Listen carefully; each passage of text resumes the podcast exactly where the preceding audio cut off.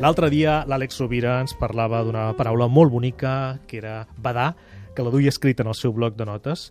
Àlex, ben retrobat. Gràcies per ser Un una setmana més amb nosaltres. Eh? M'agradaria preguntar-te, Àlex, ara pensant una mica en l'estiu, si cadascun de nosaltres volgués aquest estiu dur a terme la pràctica del badar, com si diguéssim, ja dèiem que era, és una paraula que té una mica de mala fama, no? Perquè sembla que estiguem perdent el temps quan badem, quan és tot el contrari. Quan no? defensàvem que sovint pot ser tot el contrari. La pràctica del badar, eh, que jo a vegades m'imagino també quan antigament, sobretot els pobles, no? paràvem la fresca, no? sobretot els nostres avis. No? Jo recordo que I ara- paràvem la fresca. I ara que ve l'estiu, Sí. que agradable que és parar la fresca. Té alguna... Jo hi veig alguna connexió amb el badar. És evident que hi ha una conversa també en el parar la fresca, eh, però hi ha una... La, la sensació aquesta de no estar... de no anar per feina en les converses. No? Actualment et trobes algú al carrer i sembla que tot és hola, hola, correcuita, com estàs, però tothom té pressa. Sí. I el badar forma part d'aquests conceptes, com parar la fresca, en què el temps s'amorosia. És que, exactament, fixa-t'hi tres idees que em sorgeixen així, perquè aquí anem sense guió, no? Una de les formes més potents de lectura que va crear precisament Michel de Montaigne era l'assaig. L'assaig no deixa de ser una divagació, un badar, sobre un concepte en el qual tu vas... Recordem que badar vol dir obrir-se i eh, quan escrivim un assaig o quan tenim una tertúlia rica, la conversa no està premeditada, no hi ha un guió.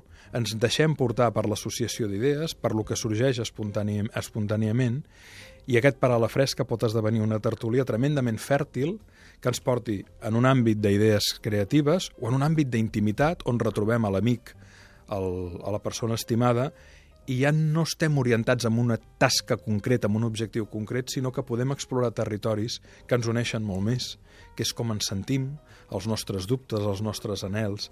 Per tant, és important parar a la fresca i és important també permetre's el badar entès com aquella apertura no guiada que ens pot portar a territoris poc explorats sovint.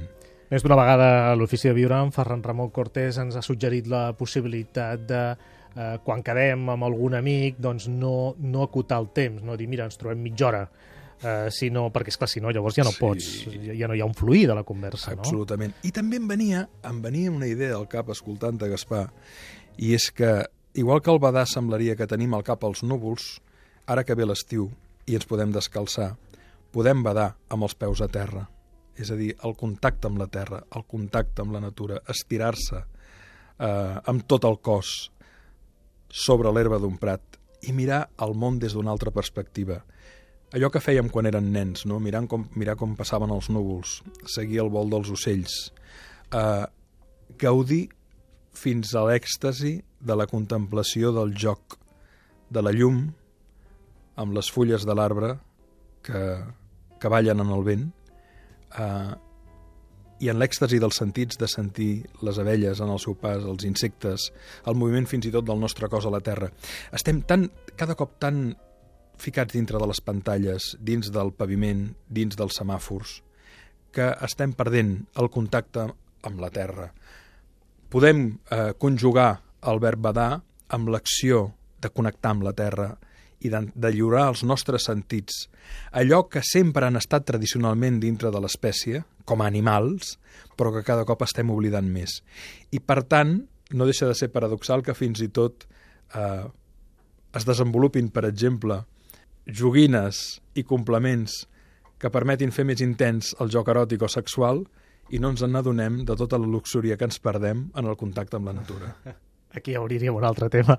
Clar, és que, Sí, és que sí. no deixa de ser paradoxal o obsè que tinguis que... O sigui, que t'ofereixin coses per augmentar una intensitat que sovint la pots tenir sense complicar-te tant la vida.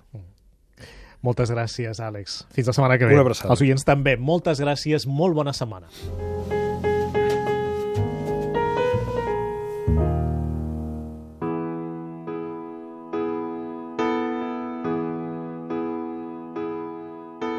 Ja no recordo com va ser, ha estat així tota la vida. Quan va sonar per primer cop, va enamorar-me de seguida. Sento que sempre em fa costat, quan tot es torna complicat. Fa que recobri l'esperança. Si la tristesa em ve a buscar vols fer sentir-me protegida. Sé que tenir-la favor meu fa que jo guanyi la partida. És la que sempre em fa sentir que tot va bé si ella és seguit. I és per això que la vida de cop té sentit.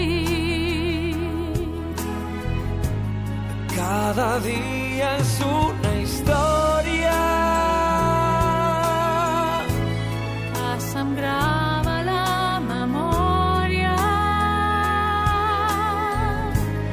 van sonant les melodies i passen els dies a cop de cançons.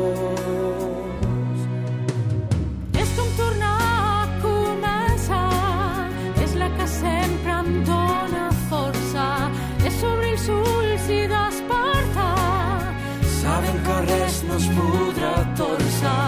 És com l'amic que et va buscar quan t'ha inundat de soledat i ja no saps a qui recórrer. quan no hi és el món s'atura. És la que em fa arribar bon port. És la posta més segura. És la que sempre duc al cor.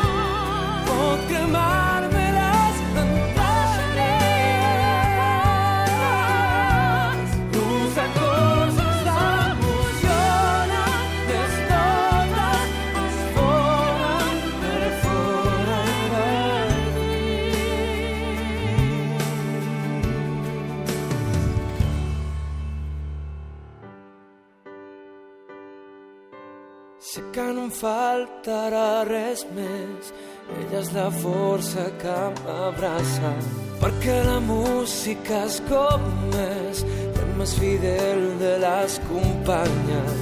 Puc convertir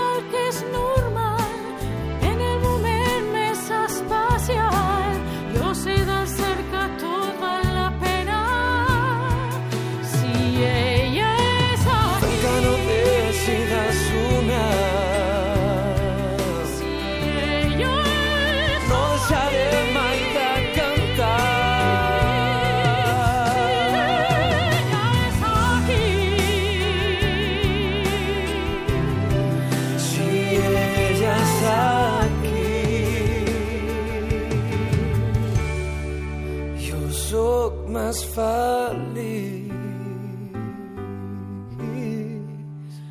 Jo sóc més feliç.